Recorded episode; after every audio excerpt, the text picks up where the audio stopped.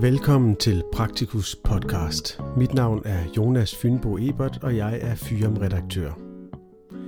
Denne podcast er en oplæsning af en artikel fra Praktikus 247, som udkommer i oktober 2019. Artiklens titel er Rethinking Medicine, skrevet af Benny Ehrenreich, praktiserende læge på Nørrebro og medlem af DSM's repræsentantskab. Artiklens tekst starter her. Sundhedsvæsenet i både England og Danmark er under ombygning, og ikke kun til det bedre, så der er ingen vej udenom. Vi skal gentænke medicin. Jeg har været til DSM's årsmøde for at blive inspireret. Martin Marshall, der er kommende formand for den engelske pendant til DSM, Royal College of General Practitioners, var keynote speaker ved DSM's årsmøde. Han talte som et vandfald, da han besteg scenen, men med tydelig diktion, så alle kunne følge med. Marshalls hovedbudskab var, at vi som almen mediciner har en forpligtelse til at påtage os en ledende rolle i skabelsen af et velfungerende sundhedsvæsen, eller udtrykt fra scenen, GP's Change Society. Apparatfejlmodellen er mangelfuld.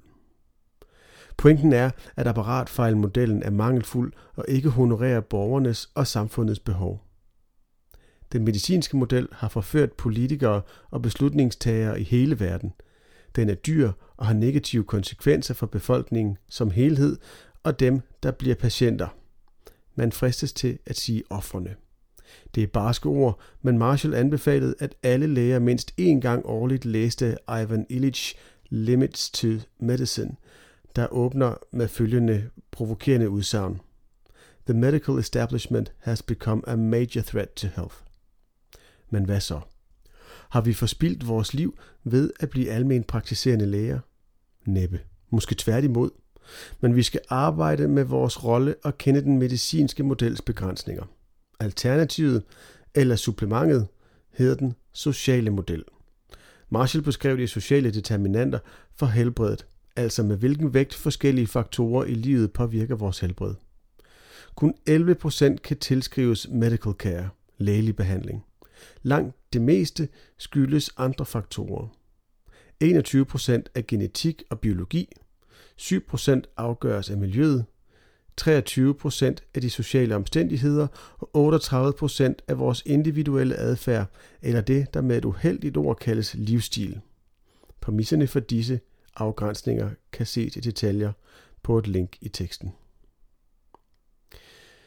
Betydningen af relation og kontinuitet er afgørende.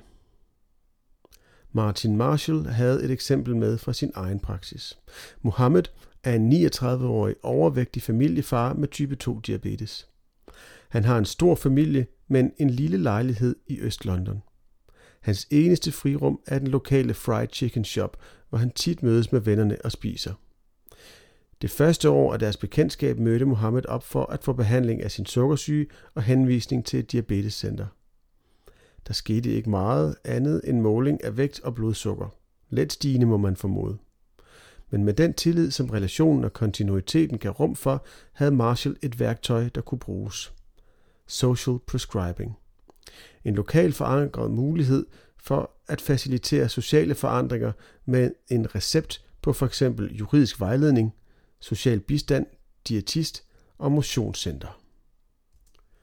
I Mohammeds tilfælde fik familien hjælp til efter 6 måneder at flytte til en større lejlighed med et ordentligt køkken. Mohammed fik hjælp til fornuftigt indkøb og madlavning, og han accepterede et motionsprogram.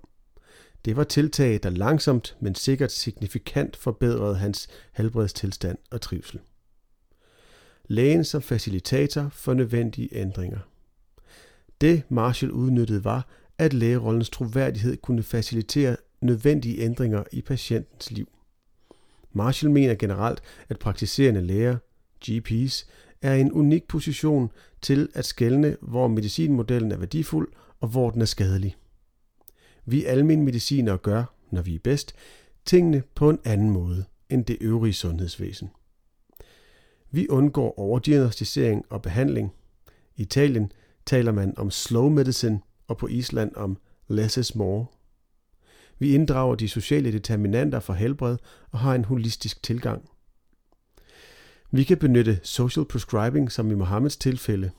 Det er ikke formaliseret i Danmark, men med den lokale forankring, vi har, og muligheden for dialog med kommuner og regioner, er det noget, der arbejdes med i praksis mange steder. Måske er det et punkt, PLO kan tage med til overenskomstforhandlingerne i 2021. Vi benytter i vid udstrækning personcentreret medicin og shared decision making. Det er en tilgang i dialogen, der beskriver både fordele, ulemper og alternativer til en behandling, så patienten kan beslutte, hvad der er det rette for ham eller hende. Personcentreret kommunikation i kombination med evidensbaseret medicin. Vi kan bidrage til sunde vilkår i lokalsamfundet ved at være i dialog med politikere, skoler og institutioner, og ved at kende mulighederne for genoptræning, fritidsaktiviteter og diverse sociale tilbud. Vi bidrager til forbedring af sundhedsvæsenet ved at være med, hvor planlægning og beslutninger sker. Det forudsætter også, at vi legitimerer en karriere for alminmedicinere som ledere. Den alminmedicinske uddannelse bør indeholde fleksibilitet og mange karrieremuligheder. Vi ændrer menneskers måde at tænke sundhed på. Det sker i konsultationen såvel som i dialog med for eksempel medier og patientorganisationer.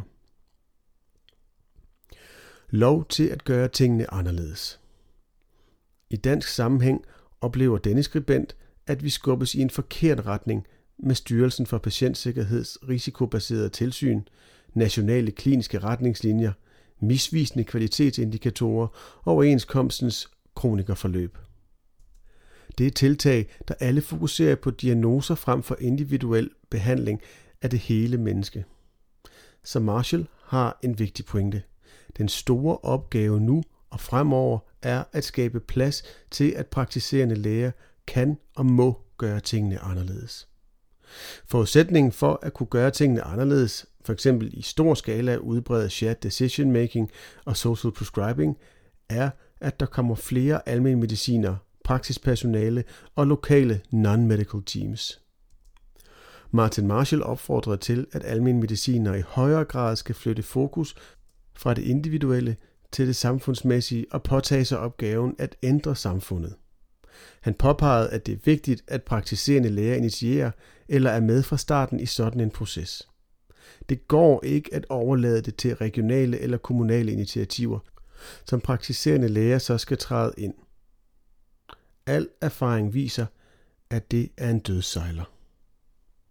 Han konkluderede, at almen medicin har et exceptionelt potentiale til at forbedre befolkningens og lokalsamfundets helbredstilstand og trivsel. Altså med andre ord, at almen mediciner i the medical establishment becomes a major contributor to health.